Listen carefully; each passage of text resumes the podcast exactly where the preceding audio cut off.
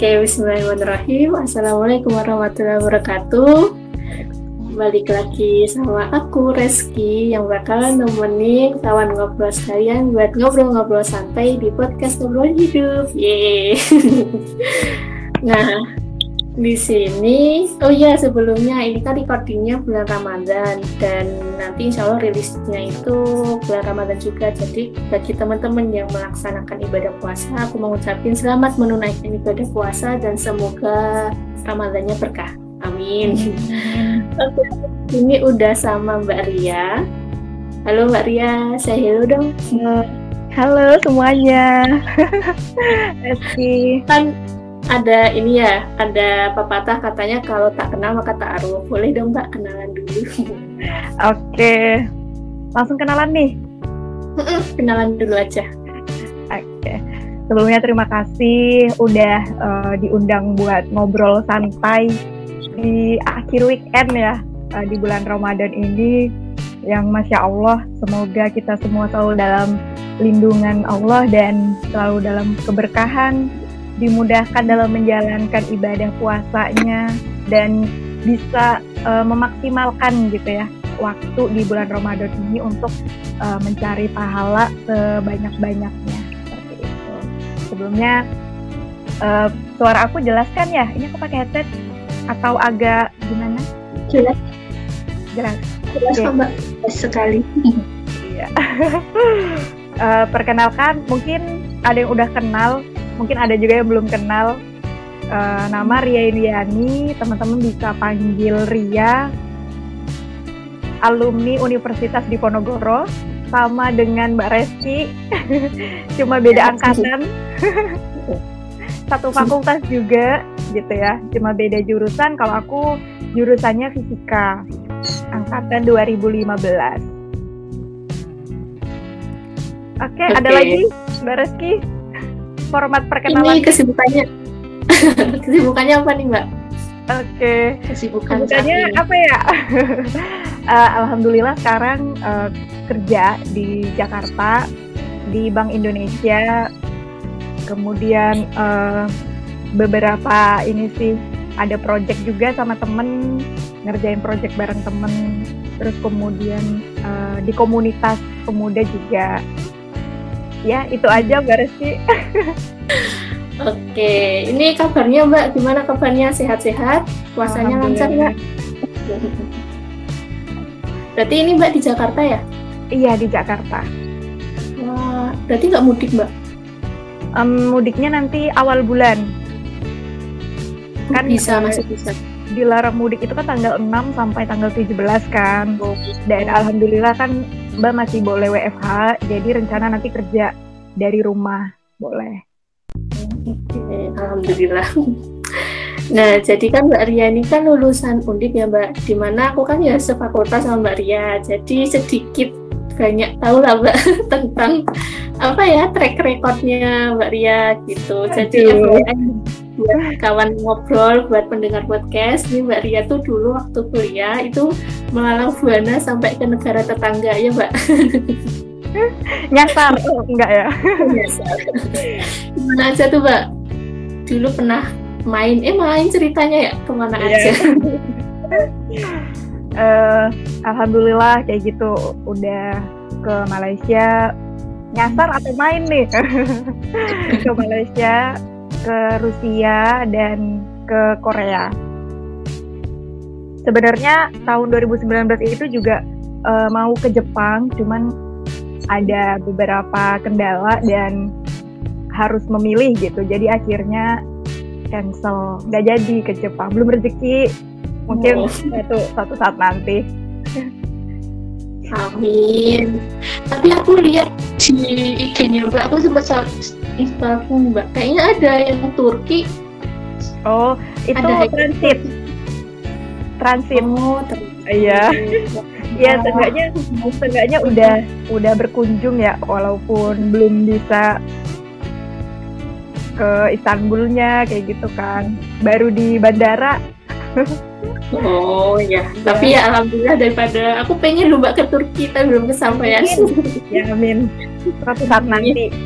Amin. Nah dulu juga Mbak Ria itu pernah masuk si Unyil nggak sih Mbak? Iya bener. Nah itu gimana sih Mbak? Aku kepo loh beneran kok bisa. Mbak juga gak nyangka. Jadi ceritanya uh, setelah lomba yang dari Rusia, oh ya hmm. alhamdulillah yang ke luar negeri itu bukan nyasar ya, bukan bukan cuma main gitu. Ntar nggak enak nih Maria main gitu kan. Uh, alhamdulillah uh, kesempatan gitu ikut event. Kalau yang ke Malaysia itu student exchange beberapa hari. Kalau yang ke Rusia dan Korea itu kompetisi uh, riset lomba bareng teman-teman. Jadi hmm. Mbak tuh satu tim berangkat gitu kan dan dengan segala drama yang ada. Jadi sebenarnya tuh nggak ke Rusia, awalnya ke Turki. Cuman hmm. ada bulan Februari itu uh, di cancel dari panitia Turki karena untuk eventnya itu ditunda dan akhirnya ya udah dengan berat hati dengan sedih gitu kan gak jadi ke Turki dan ya udah berhusnuzon aja pasti Allah punya rencana yang lebih baik ya walaupun rasanya tuh kayak ah kerja keras selama ini udah sia-sia gitu kan. Gak jadi berangkat dan segala macam semua udah diurus gak jadi gitu. Ternyata bulan depannya daftar lagi ke Rusia dan alhamdulillah lolos. Dan bersyukur transitnya di Turki jadi langsung dapat dua negara kan. Langsung mendatangi dua negara sekaligus tuh ternyata uh, Allah punya rencana yang jauh lebih baik. Mungkin bukan Turki uh, di tahun kemarin itu kan uh, ternyata Rusia kayak gitu. Dan setelah itu kita dapat tiga medali gold medal terus inovasi terbaik sama dapat penghargaan dari Arab Saudi. Setelah pulang dari Rusia itu kita langsung dihubungi oleh Trans Trans TV atau Trans 7 tuh laptop si Unyil ya? Trans pokoknya Trans, Trans 7 oh Trans 7 oh ya pokoknya langsung dihubungi uh, tim kita. Ada dua tim dari Undip. Uh, dapat gold medal juga dan uh, oh enggak yang tim sebelah dapat silver medal tim kita dapat gold medal dan dihubungi untuk uh, syuting uh, laptop si Unyil pada tanggal yang telah ditentukan gitu. Deh kan kayak ah ini mimpi gak sih? Beneran gitu kan. Sebenarnya Mbak juga punya uh, keinginan punya impian gitu bisa masuk TV seenggaknya dengan apa ya dengan uh, prestasi atau dengan karya lah kayak gitu kan. Iya ada yang bisa di sharing kayak gitu. Dan alhamdulillah masuk uh, laptop si Unyil kemudian masuk uh, TV Undip juga. Itu waktu di rektorat kita syutingnya. Ya itu. Mbak Reski. Masya Allah. Ya ini ya Mbak. Apa ya? Emang ya kalau rencana Allah itu pasti lebih luar biasa gitu ya Mbak. Ya, bener banget. Dan terkadang uh, kita juga belum kita tuh belum tahu jawabannya kayak gitu. Misalnya kita diuji dikasih suatu cobaan tuh kayak pasti sedih, pasti rasanya berat, uh, pasti rasanya kayak uh, banyak lah, hampir menyerah juga, rasanya udah nggak semangat. Pokoknya semuanya tuh dateng seketika gitu kan, kayak uh, meruntuhkan tekad dan semangat yang udah kita bangun selama ini gitu. Tapi kita nggak tahu uh, jawabannya kita nggak tahu saat ini gitu. Tapi kita pasti yakin jawabannya pasti nanti ada solusinya ada dari Allah kayak gitu. Dan ketika kita udah sampai pada waktu itu pasti nanti kita sadar gitu. Oh iya juga ya gitu kan. Oh kenapa kemarin gagal? Ternyata Allah ngasih aku lebih baik uh, hari ini.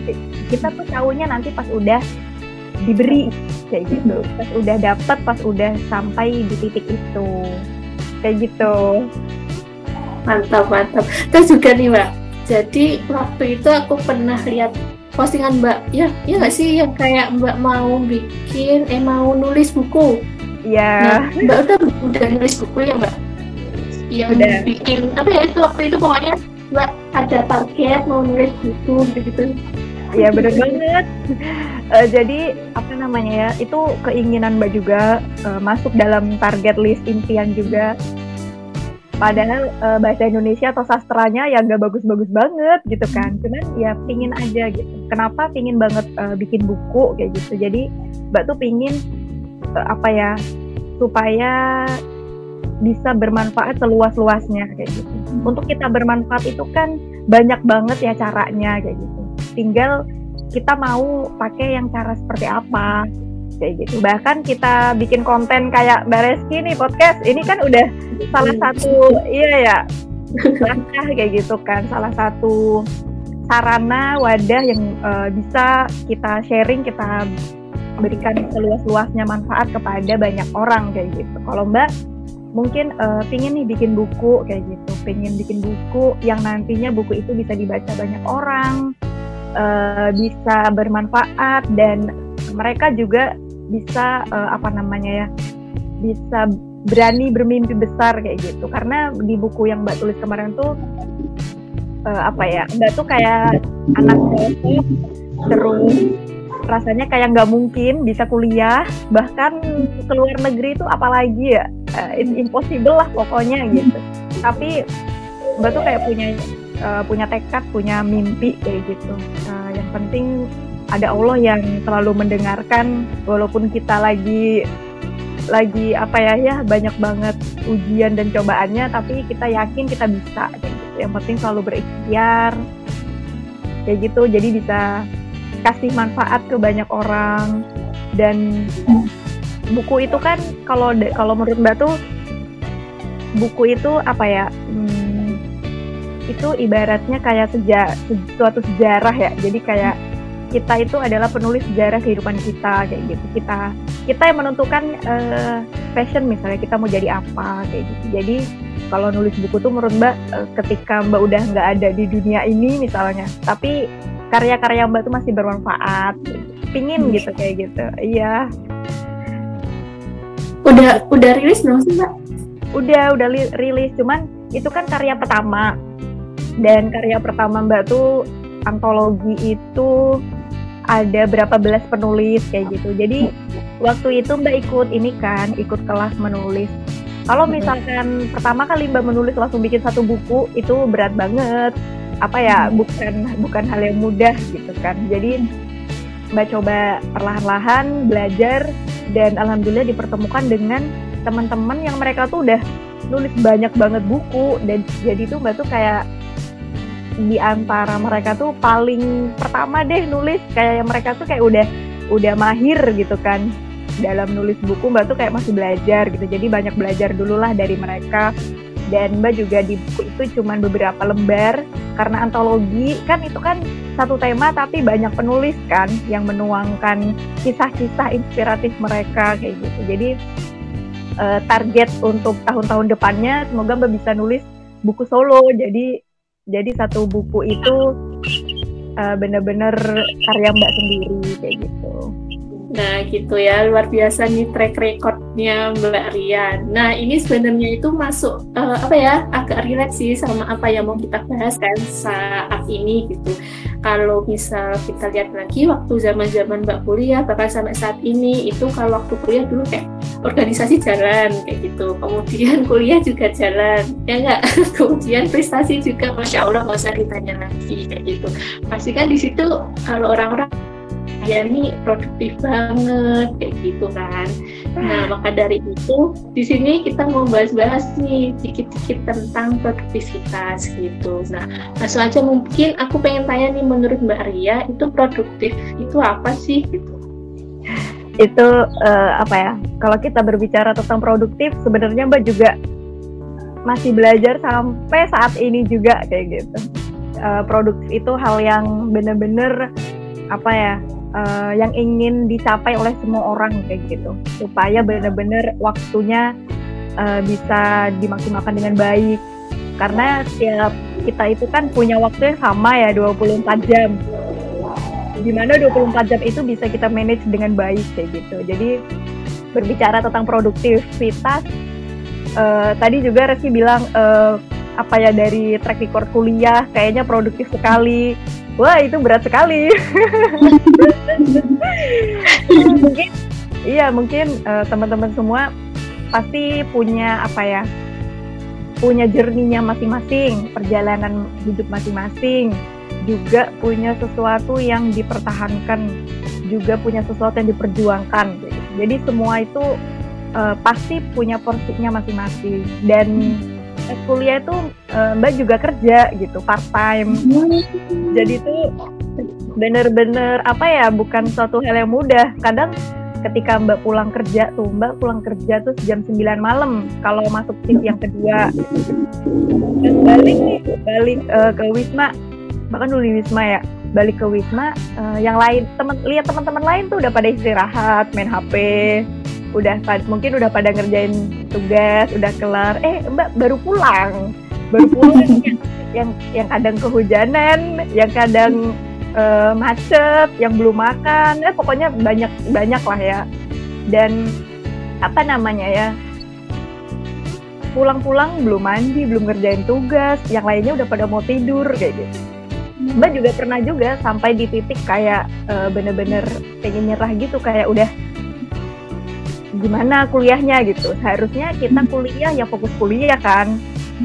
Dan ya bersyukur buat uh, teman-teman semua yang misalkan punya ekonomi yang uh, apa ya mencukupi kayak gitu. Jadi nggak usah mikir keuangan tinggal kuliah gitu. Sementara Mbak mungkin dan beberapa orang lainnya masih mikirin keuangan kayak gitu. Gimana supaya bisa uh, bayar kuliah atau bisa survive waktu jadi mahasiswa gitu kan. Harus cari uang tambahan ngelesin kerja. Mbak dulu pernah kerja di toko baju pernah juga kerja di toko tas terus hmm. e, ngelesin juga kayak gitu. Dan itu pilihannya mbak kayak gitu kan. Jadi berbicara tentang produktif kita harus tahu pola kerja pola kuliah pola rutinitas kita. Kita harus tahu karena tiap orang itu berbeda-beda ada orang yang dia itu nggak bisa sekaligus misalnya aku cuma bisa fokus di kuliah dan organisasi aja. Tapi ada orang yang dia itu uh, bisa kuliah, bisa organisasi, bisa apa namanya bagi tugas, bisa sambil kerja, terus apa lagi? Bisa bisa ikut project misalnya banyak banget gitu kan. Itu kita uh, harus tahu dulu nih kapasitas diri kita kayak gitu pola kita kayak gimana supaya nanti kita bisa bikin roadmapnya bisa bikin list planningnya kayak gitu. Kemudian e, berbicara tentang produktif itu setelah kita udah tahu pola rutinitas kita apa aja yang kita ikutin kayak gitu kan e, bisa nggak nih aku e, ngerjain tiga kegiatan atau bisa ngerjain hanya dua kegiatan kalau misalkan bisa atur manajemen waktunya. Nah, ketika kita udah tahu pola rutinitas kita dan kita bisa manage waktunya dengan baik, itu bisa produktif kayak gitu kan. Dan benar-benar uh, apa namanya? Benar-benar life balance. Contoh, kita punya 24 waktu 24 jam yang sama gitu ya dalam satu hari. Terus yang membuat uh, kita nggak produktif itu terkadang itu mindset kita sendiri yang membuat kita nggak produktif. Contohnya, um, selama 24 jam terkadang kita mikir kok ngerasanya aku masih kurang ya? gitu. Atau ketika kita melihat orang lain uh, rasanya misal ketika kita melihat orang lain kok mereka bisa melakukan banyak hal ya? Dan itu bisa maksimal. Dia bisa hmm. A B C D E gitu. Kok aku nggak bisa? gitu misalnya. Apa yang salah dengan diriku? kayak gitu kan uh, kok dia bisa kenapa enggak gitu. Dan waktu yang kita punya tuh sama kayak gitu. Dan yang yang poin penting dari produktif itu skala prioritas. Yang kedua arrangement. Jadi kita tuh harus punya rencana. Kita harus uh, arrangement misalnya dengan menyusun uh, jadwal. Dari rutinitas-rutinitas itu kita menyusun jadwal atur jadwal yang spesifik beserta batas waktunya. Itu hmm. itu yang dikatakan uh, produktif. Walaupun kita nggak menulis tapi kita punya uh, batas waktu list apa yang kita kerjakan. Kayak misalnya mbak dulu kuliah mbak selalu uh, buat kayak catatan sticky note. Hmm. kuliah jam berapa aja kemudian misalnya uh, waktu waktu kosong itu misalnya ke perpus pinjem buku atau buat laporan praktikum. Terus sore tuh ngapain? Atau malam malamnya saya kerja terus baliknya ngap ngapain? Jamnya tuh mbak tulis. Kita harus tahu batas waktunya kayak gitu. Kenapa kita harus tahu batas waktunya?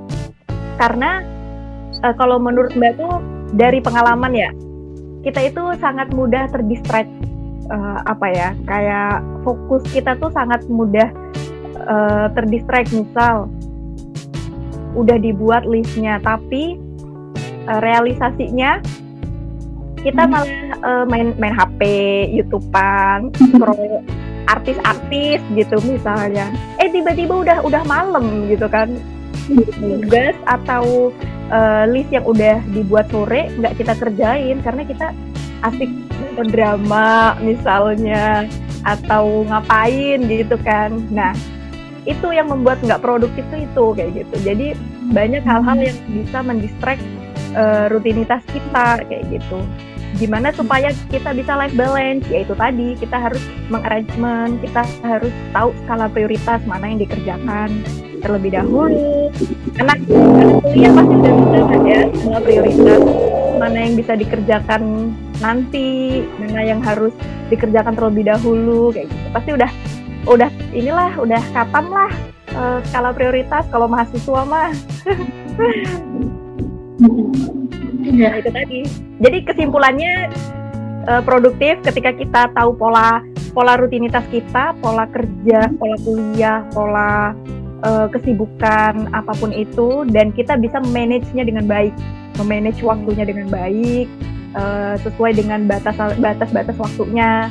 Kemudian kita bisa life balance juga kapan waktu kuliah misalnya kapan waktu kita saya kerja atau organisasi kapan waktu istirahat misalnya. Kita harus life balance gitu. Jangan pas kuliah misalnya sekarang ya WFH uh, jangan pas kuliah malah kita nonton drama. Jangan pas kuliah malah kita dengerin musik uh, jangan pas misalnya pas organisasi kita malah main gitu kan. Jadinya ya nggak produktif. Kelihatannya sibuk sibuk banget ya dia kayak uh, ke mana-mana gitu. Misalnya teman sekosnya nih dia mah sibuk banget eh, nggak uh, pernah di kos gitu. tapi ternyata yang dilakukan apa?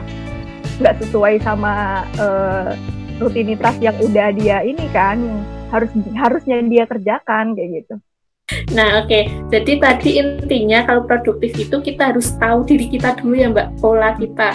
Dan aku tuh kemarin ya, Mbak, kalau boleh sharing nih, kemarin tuh aku tuh sempet ngisi lagi baca buku You Do You, tahu nggak, Mbak?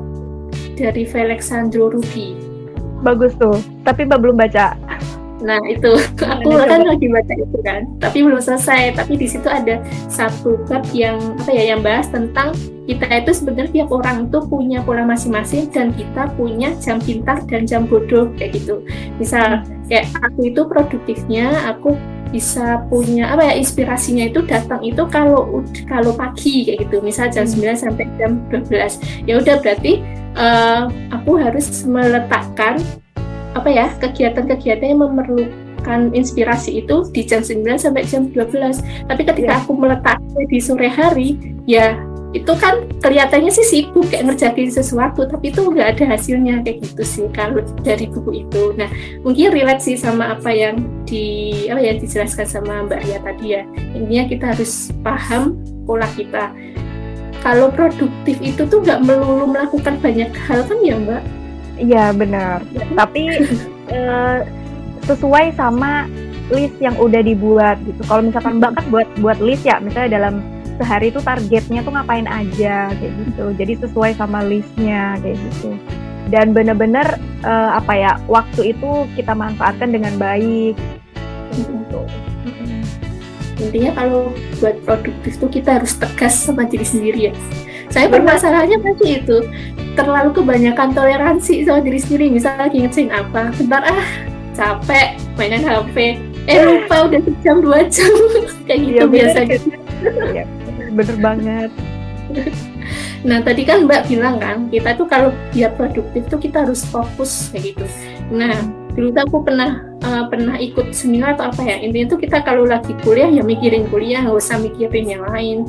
Kalau lagi organisasi ya udah organisasi jangan mikirin yang lain. Nah itu tuh teorinya kayak gitu. Tapi kadang aku sendiri pun masih belum bisa sefokus itu gitu loh mbak. Nah kalau dari mbak Ria sendiri tipsnya itu gimana Mbak juga masih ini sih tahap belajar untuk itu. Karena apa ya kita itu kan di fase di tahap fase yang setiap hari berbeda bahkan bisa lebih sulit bahkan uh, apa ya ya ada fase di mana kita nggak nyangka aja bisa di fase itu kayak gitu. Contoh misalnya gimana supaya kita itu bisa uh, fokus gitu. Ya itu tadi uh, mindful gitu. Kita harus hadir dalam aktivitas yang sedang kita kerjakan kayak gitu. Bener ada yang bilang kayak gini mbak sekarang itu zamannya tuh semua orang udah pada bisa multi apa multitasking ngerjain ini ngerjain ini ngerjain ini gitu kan.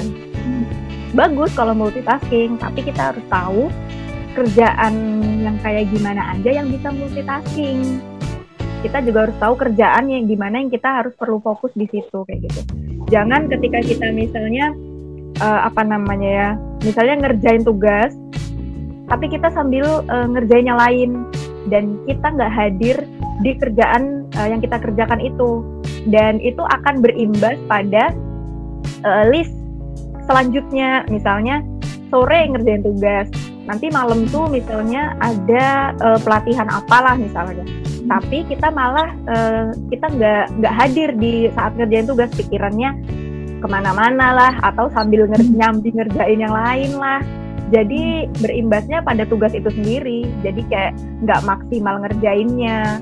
Kita juga nggak apa ya kita nggak bisa menelaah dan memahami materi itu dengan baik. Karena pikiran kita ke mana-mana mikirin uh, aduh besok hmm. ngapain misalnya besok ada apa event atau apa gitu. Tapi mikirnya malah ke yang besok kayak gitu kan. Hmm. terus apa namanya ya itu tadi bisa jadi itu kerjaan nggak kelar-kelar kayak gitu kan padahal jam terus berjalan gitu kita malah ya itu tadi jadi malah nggak fokus dan itulah kenapa perlu banget uh, kita itu tahu kapan kita bisa terdistract, kapan kita uh, harus fokus kayak gitu. Jadi ketika kita harus fokus, kita harus mengalihkan hal-hal yang membuat kita terdistract. Misalnya HP, kita matikan notif. Kalau bisa mah matikan ini aja data, pakai data. Kalau misalkan ada lagi ada urusan di teman kuliah atau komunitas atau organisasi ya udah bilang aja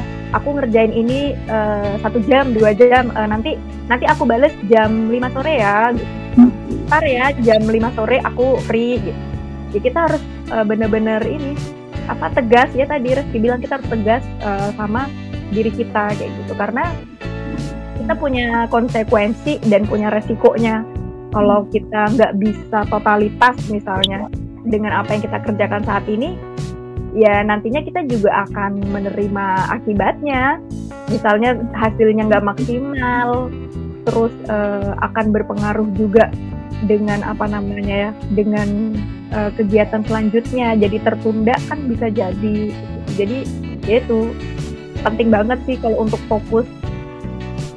Supaya apa ya uh, apa ya otak kita juga terlatih. Kan itu kan apa ya untuk kita misalnya belajar critical thinking kan kita butuh fokus gitu ya. Kalau misalkan kuliah juga kalau misalkan ngerjain tugas ataupun kalau kita di sebuah event kita jadi panitia misalnya. Ya kita harus fokus di event itu kita harus memikirkan event itu. Tugas kuliah ya nanti setelah event itu selesai.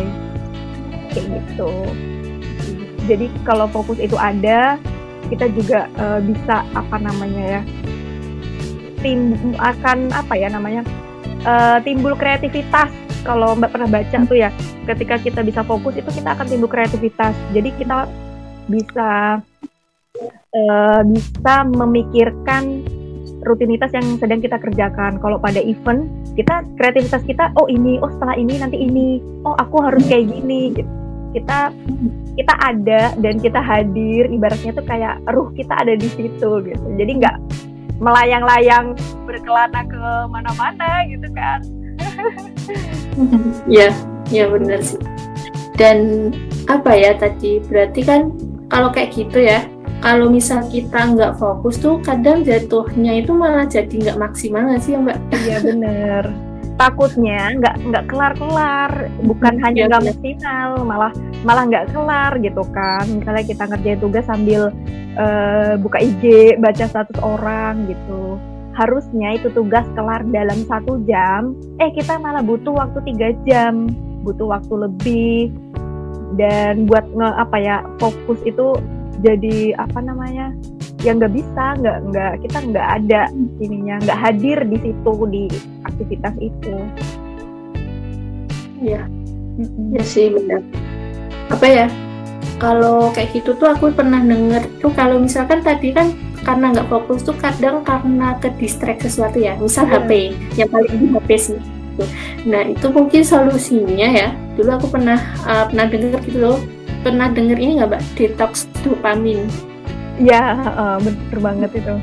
Nah itu itu sih apa sih kalau detox dopamin kan istilahnya kayak kita itu mengurangi ya mbak, mengurangi hal-hal yang bisa apa ya, yang kalau kita lakuin itu tuh kita itu dopaminnya naik kayak gitu. Ya nggak sih mbak? Dan kita harus mengurangi itu misal kayak HP kita mainan WA chatan gitu kan kita nggak kerasa tuh. Nah di situ kita harus di detox harus dikurangi. Misal kayak ya, jam 8 sampai jam 10 HP matiin kayak gitu. Ya masih kalau awal-awal susah sih mbak. Susah banget iya, ya tapi kalau sambil jalan kalau rutin mungkin bisa kayak gitu. Ya benar-benar itu uh, ini sih uh, berpengaruh sama habitsnya kita juga. Mungkin iya. awal-awal yeah. berat ya awal-awal berat dan yang nggak mudah gitu. Mbak juga kayak gitu yang nggak mudah gitu. Tapi ya per, perlahan-lahan uh, belajar kita mencoba untuk membatasi gitu. Dan sebenarnya bukannya bukannya nggak boleh tapi kita itu harus ada waktu waktu produktif untuk diri kita sendiri supaya apa namanya ya tercapai list yang udah tadi kita buat ngapain aja ngerjain apa aja hari ini ngapain gitu. Jadi biar waktu yang udah kita buat tuh sesuai target gitu. Jadi nggak mengulur lagi bahkan takutnya nanti malah uh, kerjaan lainnya ikutan tertunda gitu kan. Berimbasnya tuh ya sama kerjaan yang lain nantinya gitu. Ya benar sih. Dan sebenarnya kalau untuk bikin kan itu berarti kayak list gitu ya mbak? Iya sebenarnya untuk sendiri kan dari tiap orang kan beda-beda ya mbak. Kalau mbak yeah. sendiri tadi lebih ke bikin tuh jadwalnya kayak jam segini pokoknya mentok jam segini harus ini udah selesai terus habis itu ini ini ini. Tapi kan kalau misal ada orang yang bikin misal hari Senin hari Senin aku hmm. harus ngerjain A B C D E. Pokoknya nggak mau tahu terserah kamu mau main HP jam berapapun tapi ini tuh harus selesai kayak gitu. Itu juga nggak masalah kan mbak? Nggak masalah. Ya itu tadi uh, kita perlu tahu juga pola belajar kita seperti apa. Ya benar sih kayak gitu. Berarti kan intinya kalau tadi aku ini ya berarti kan produktif sama sibuk itu udah beda banget kan ya mbak? Beda. Tapi kalau misalkan uh, dikatakan sibuk tapi dia bisa manage waktunya dengan baik terus uh, apa namanya ya yang dia lakukan juga benar-benar sesuai sama targetnya dia yang nggak masalah. Yang jadi masalah adalah ketika sibuk uh, dia nggak nggak nggak fokus. Jadi dia nggak life balance gitu kan. Kalau life balance itu kan kita tahu uh, apa namanya ya yang dikerjakan misalnya di saat kuliah ya kuliah kerja kerja gitu organisasi organisasi um, uh, urusan pribadi eh, kerjaan pribadi kerjaan pribadi. Dia bisa life balance bisa mindful hadir di aktivitas itu. Tapi kalau kesibukannya itu malah dia ngerjain uh, apa namanya ya dia nggak nggak fokus dan contohnya juga ketika apa namanya ya uh, ada deadline tugas dan dia kayak merasa merasa kayak ya udah nanti juga gue kerjain gitu kan. Ya udah nanti juga gue kerjain gampang gitu. Dan itu udah jadi habit gitu kan. Jadinya pas dia ngerjain udah mepet deadline dia sampai nggak makan sampai nggak tidur misalnya. Kan itu kan sibuk ya namanya ya kan. Tapi itu nggak produktif gitu. Jadi nggak life balance juga. Dia jadinya jatuhnya kerjanya kerjaan tuh nggak maksimal. Dan ya itu tadi nggak fokus juga gitu. Jadi ya ah, ya bener-bener bisa lah manage waktunya dengan baik sesuai pola kerja masing-masing. Ya. contoh ini ya apa namanya ya? Contohnya misalnya tujuan aktivitasnya jelas. Selain tujuan aktivitasnya jelas uh, ada umpan balik ada umpan balik yang jelas dan nyata. Contoh, yang kita kerjakan itu kita tahu progresnya. Terus yang terus yang kita kerjakan kita tahu nih ada evaluasinya atau enggak. Misalnya ada yang ada kesalahan.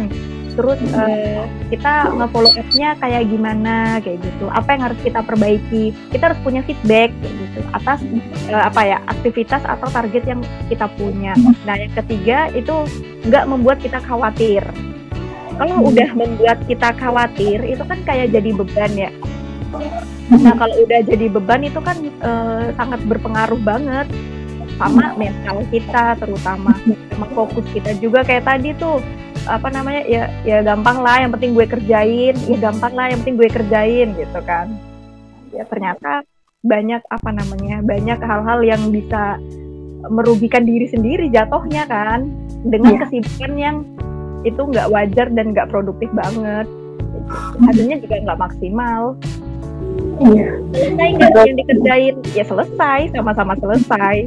Cuman beda beda proses dan beda hasil. Resultnya tuh beda banget. Ya masih ya Mbak, kalau produktif itu sangat bersahabat, berkerabat erat dengan habits ya. Iya bener banget. nah juga aku juga pernah baca tuh kalau produktif itu uh, searah sama passion kayak gitu. Maksudnya misal kita melakukan sesuatu, ternyata itu bukan passion kita. Kita melakukan itu kayak hati kita tuh nggak di situ, ya udah nggak bakal selesai-selesai. Jadi intinya tuh kalau misal kita apa ya kegiatan-kegiatan yang udah kita list itu itu pastikan itu sesuai dengan apa yang mau kita lakukan bukan karena terpaksa gitu ya mbak.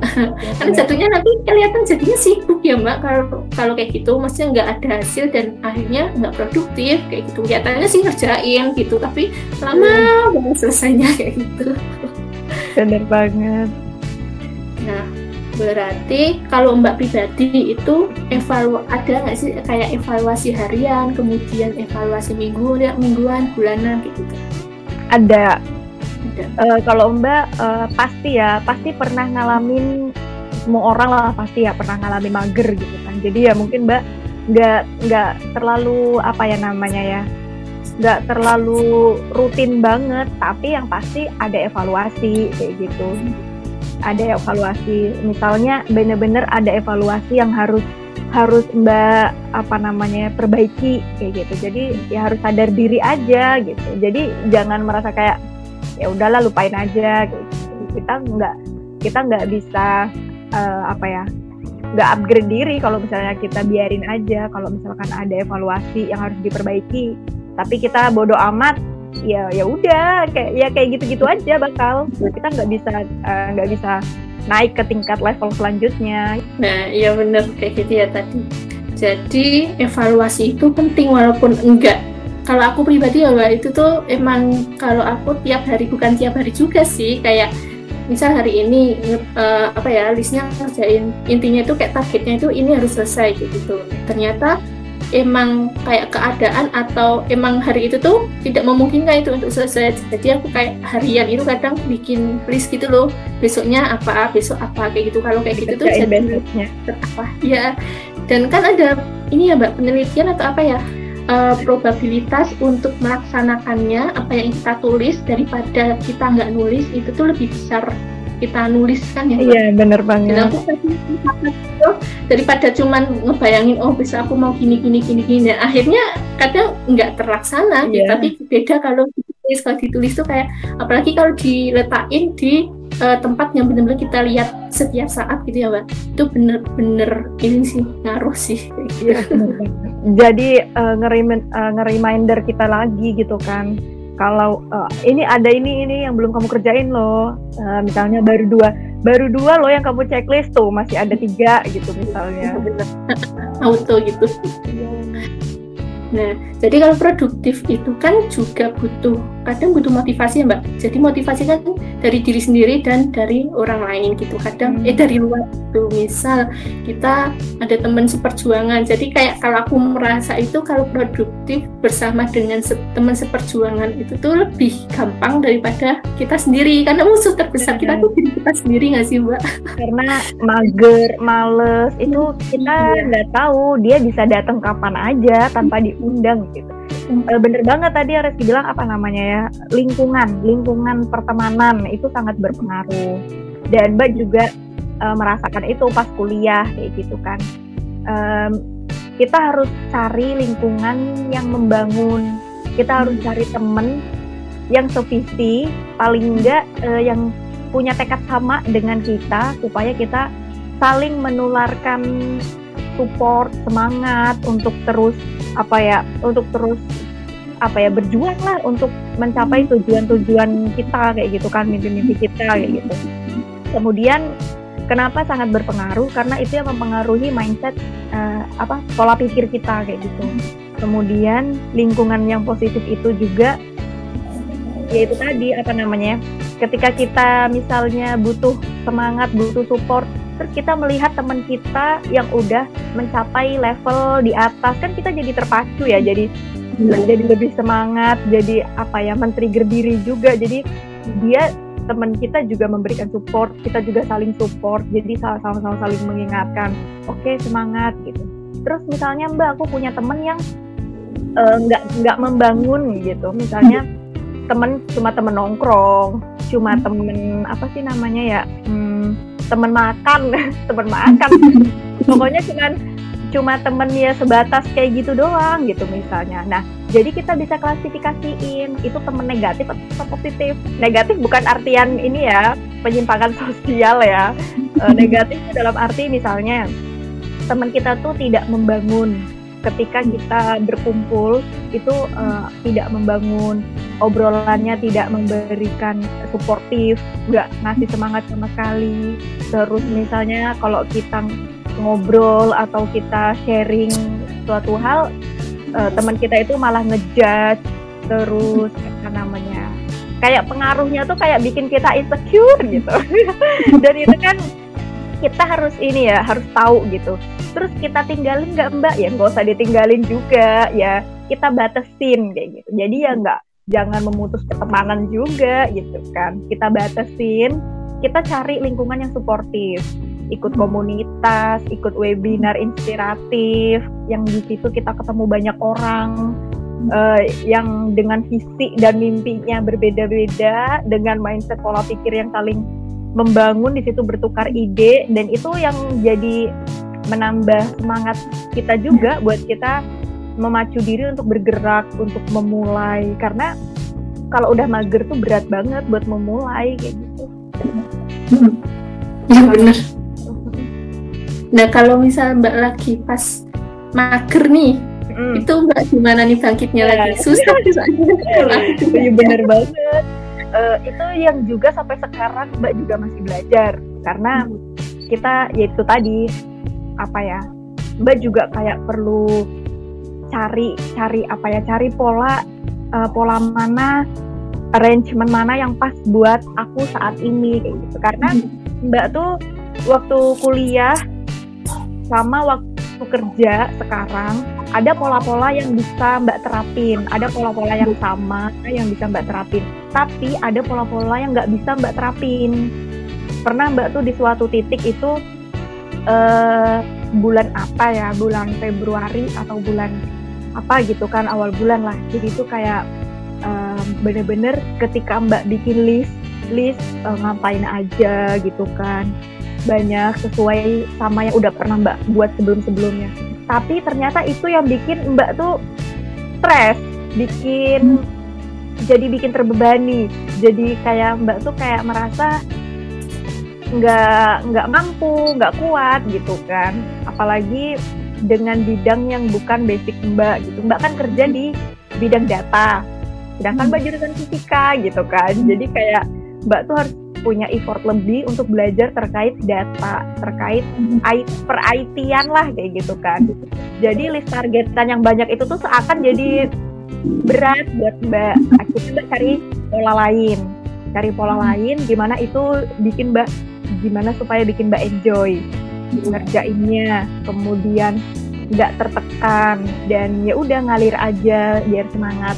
Mbak cari pola-pola lain dan akhirnya Mbak nggak nulis target itu, tapi Mbak cuma nulis du, misalnya beberapa aja, dua atau tiga target yang wajib. Sisanya Mbak kasih plus plus plus. Plus itu artinya kamu hebat udah menambah menambah eh, apa namanya ya kerjaan kayak gitu kan atau menambah rutinitas eh, plus plus itu tadi. Jadi kalau plusnya semakin banyak berarti Mbak udah mulai ini nih apa kapasitasnya udah bisa nambah lagi gitu biar nggak kan jadi jangan banyak-banyak dulu nge-push diri gitu kan. Kita harus tahu kapan kita perlu istirahat sehari misalnya. Perlu juga. Jadi jangan nge-push sehari jam segini sampai jam segini. Kamu ngerjain 10 10 yang harus kamu kerjain tuh kayak nge-push banget. Jadi kita harus tahu diri, kapasitas diri kayak gitu kan. Oke, setelah Mbak ketemu pola itu akhirnya ya udah Mbak kasih reward kayak gitu. Bahkan pas kuliah juga tuh Mbak kasih reward uh, apa-apa yang udah Mbak berhasil kerjain walaupun itu belum belum benar atau belum maksimal. Seenggaknya Mbak kasih apresiasi karena Mbak udah berani dan udah mau memulai Terus cara buat ini yang mal, yang ini apa namanya ngilangin males ya? Gimana ya. cara membangkitkan itu? Yang pertama. Iya, aku catat nih mbak. ini sharing sharing ya, mbak juga masih belajar. Bukan berarti mbak udah udah nggak males-malesan, tapi ya itu kan selalu hadir ya. Tapi kita yeah. harus punya cara untuk melawan dan harus uh, bisa gitu. Yang pertama itu apa namanya ya? Cari tahu dulu penyebabnya. Pasti kita punya penyebabnya nih kalau kita males. Lu sebenarnya lu sebenarnya mau maunya ngapain sih? Tapi ketika kita uh, mengikuti ego kita terus aku maunya rebahan terus. Misalnya aduh aku pengen istirahat aja nggak ngapa-ngapain nggak kerja gitu kan. Uh, aduh aku pengennya tiduran aja gitu gitu kan.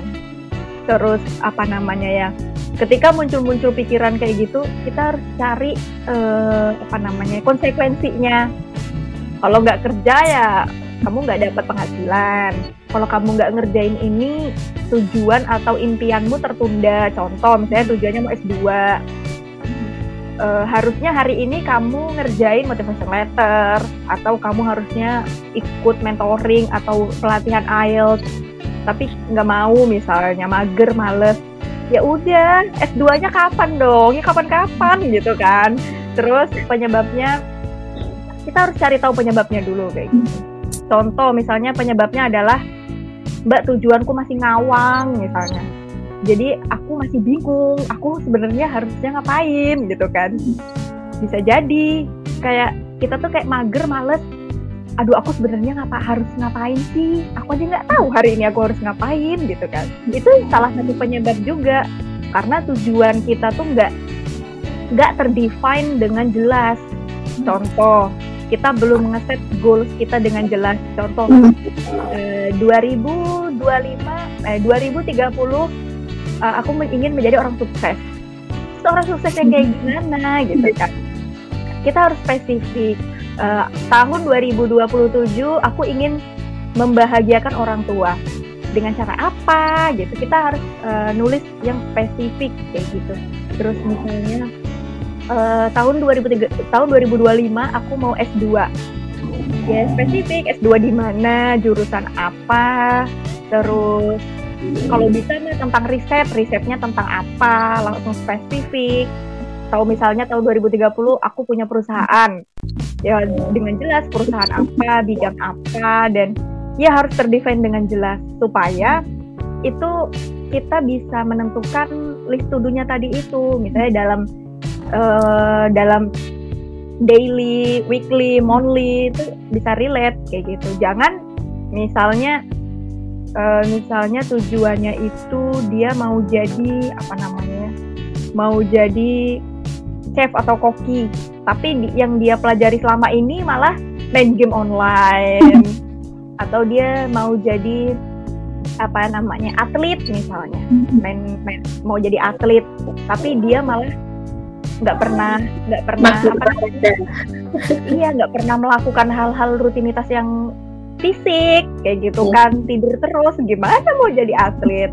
Atau misalnya dia mau jadi mau uh, aku mau S2 mbak. Gimana? Di luar negeri. Wah keren gitu kan. Terus udah udah ngapain aja selama ini gitu. Main game online. Ya dia main Mobile Legend ya dia berarti apa ya? Jadi ini dong jadi duta game online dong. Bukan bukan S2 gitu kan. Bikin CV belum pernah bikin resume motivation letter, reset plan belum pernah ya gimana bisa mencapai gitu. Jadi uh, goalsnya tuh harus tersetting dengan jelas supaya kita meminimalisir penyebab-penyebab yang uh, yang ada di pikiran kita tuh yang ngawang. Aduh aku harus ngapain ya? Misalnya, aduh hari ini aku mau mau makan dulu atau mandi dulu ya uh, hari ini aku mau kerja dulu atau istirahat dulu ya gitu kayak hal-hal yang nggak perlu di apa namanya ya nggak perlu dipermasalahkan gitu kan kalau kita udah tahu tujuannya kita selanjutnya itu contohnya bikin goals yang jelas. Setelah kita bikin goals yang jelas, itu penyebabnya kenapa males gitu tadi kan overthinking. Itu Mbak tuh orang yang overthinking, salah satu dari sekian banyak orang. nah, itu salah satu penyebab uh, kenapa kita males atau mager dan nggak produktif itu overthinking. Misalnya, banyak sekali hal-hal yang kita pikirkan di kepala kita. Uh, apa namanya yang sebenarnya juga kita tuh kayak yang nggak tahu apa ya dipikirin aja gitu. Padahal seharusnya pikiran-pikiran yang sebenarnya nggak harus kita pikirkan. Nggak harus dipikirkan kenapa kita memikirkannya? Itulah overthinking. Yang ditimbulkan apa? Yang ditimbulkan adalah keraguan kecemasan terus apalagi ya uh, banyak yang dipikirkan itu contohnya masa depan. Kita terlalu memikirkan hal-hal yang belum terjadi. Nah itu overthinking juga tuh. Hal yang belum terjadi misalnya kita besok mau ada event apa? Aduh besok kayak gini. Aduh ada nanti gimana ya kalau gagal ya? Aduh nanti ngomong apa ya? Gitu kayak hal-hal yang nggak perlu dipikirkan tuh kita pikirin. Padahal ya. Yang harus kita cari adalah solusinya gitu action bukan memikirkan uh, apa ya hal-hal yang kita raguin, yang kita takutin. Aduh, kalau kayak gini nanti gimana ya gitu misalnya. Dan bisa jadi kalau kita sering terlarut dalam overthinking, ya kita malah membuat apa namanya ya, membuat pikiran kita uh, terlarut dalam hal-hal yang negatif. Terus penyebab yang ketiga, yang pertama tadi kan ini ya tujuannya ngawang, yang kedua overthinking penyebabnya. Ntar kita cari solusinya bareng-bareng. yang ketiga itu uh, kita nggak ngerti, kita nggak ngerti sama fokus dan konsentrasinya kita itu kayak gimana. Kita masih nggak paham gitu loh, nggak paham gimana nih aku supaya aku bisa fokus supaya aku bisa konsentrasi sama yang aku kerjain. Aku aja masih bingung gitu misalnya. Makanya aku mau ngerjainnya juga bingung gitu. Ya udah jadinya mager jadinya males karena diri sendiri nggak ngerti. Jadi gimana supaya supaya kita bisa ngerti kita harus cari solusinya. Dan apa namanya ya mager itu kan kayak hal yang wajar ya. Basically ketika kita mager tuh kadang kita buat uh, pembelaan diri tuh kadang ah, aku me time dulu. Padahal mah bukan me time. Me time tuh kita harus punya batasan waktu juga. Masa me time seminggu kan nggak mungkin kan. Jadi me time ya jangan berlarut-larut gitu. Kalau mau istirahat kayak bener-bener udah nge-push diri banget banyak kerjaan boleh me time istirahat. Nah, besoknya kita kembali lagi kayak gitu. Jangan terlalu lama mah basically mah itu mah namanya males gitu kan. Udah ngaku aja iya sih mau males gitu kan. Dan apa namanya gimana ngatur waktu ngatur belajar ngatur waktu pekerjaan yang padahal apa namanya ya yang padahal kita juga tahu kalau kayak gini terus menerus itu sangat berpengaruh sama kita di masa depan karir kemudian uh, misalnya kalau kita mau lanjut sekolah, studi, kalau misalkan kita mau kerja yaitu karir sangat berpengaruh. Kita tahu hmm. sadar, tapi ya memang apa ya penyebab itu tuh yang yang apa namanya selalu hadir dan kita juga jadinya kayak overthinking, udah kayak ya bingung aja jadinya. Yang mana dulu sebenarnya Mbak yang harus aku lakukan gitu. Aku aja bingung gitu misalnya kan. Karena terlalu banyak terlalu banyak yang aku pikirkan. Tadi yang di overthinking itu terlalu banyak yang aku pikirkan. Sehingga aku membuat memulainya tuh harus dari mana dulu gitu misalnya. Sekarang kita cari solusinya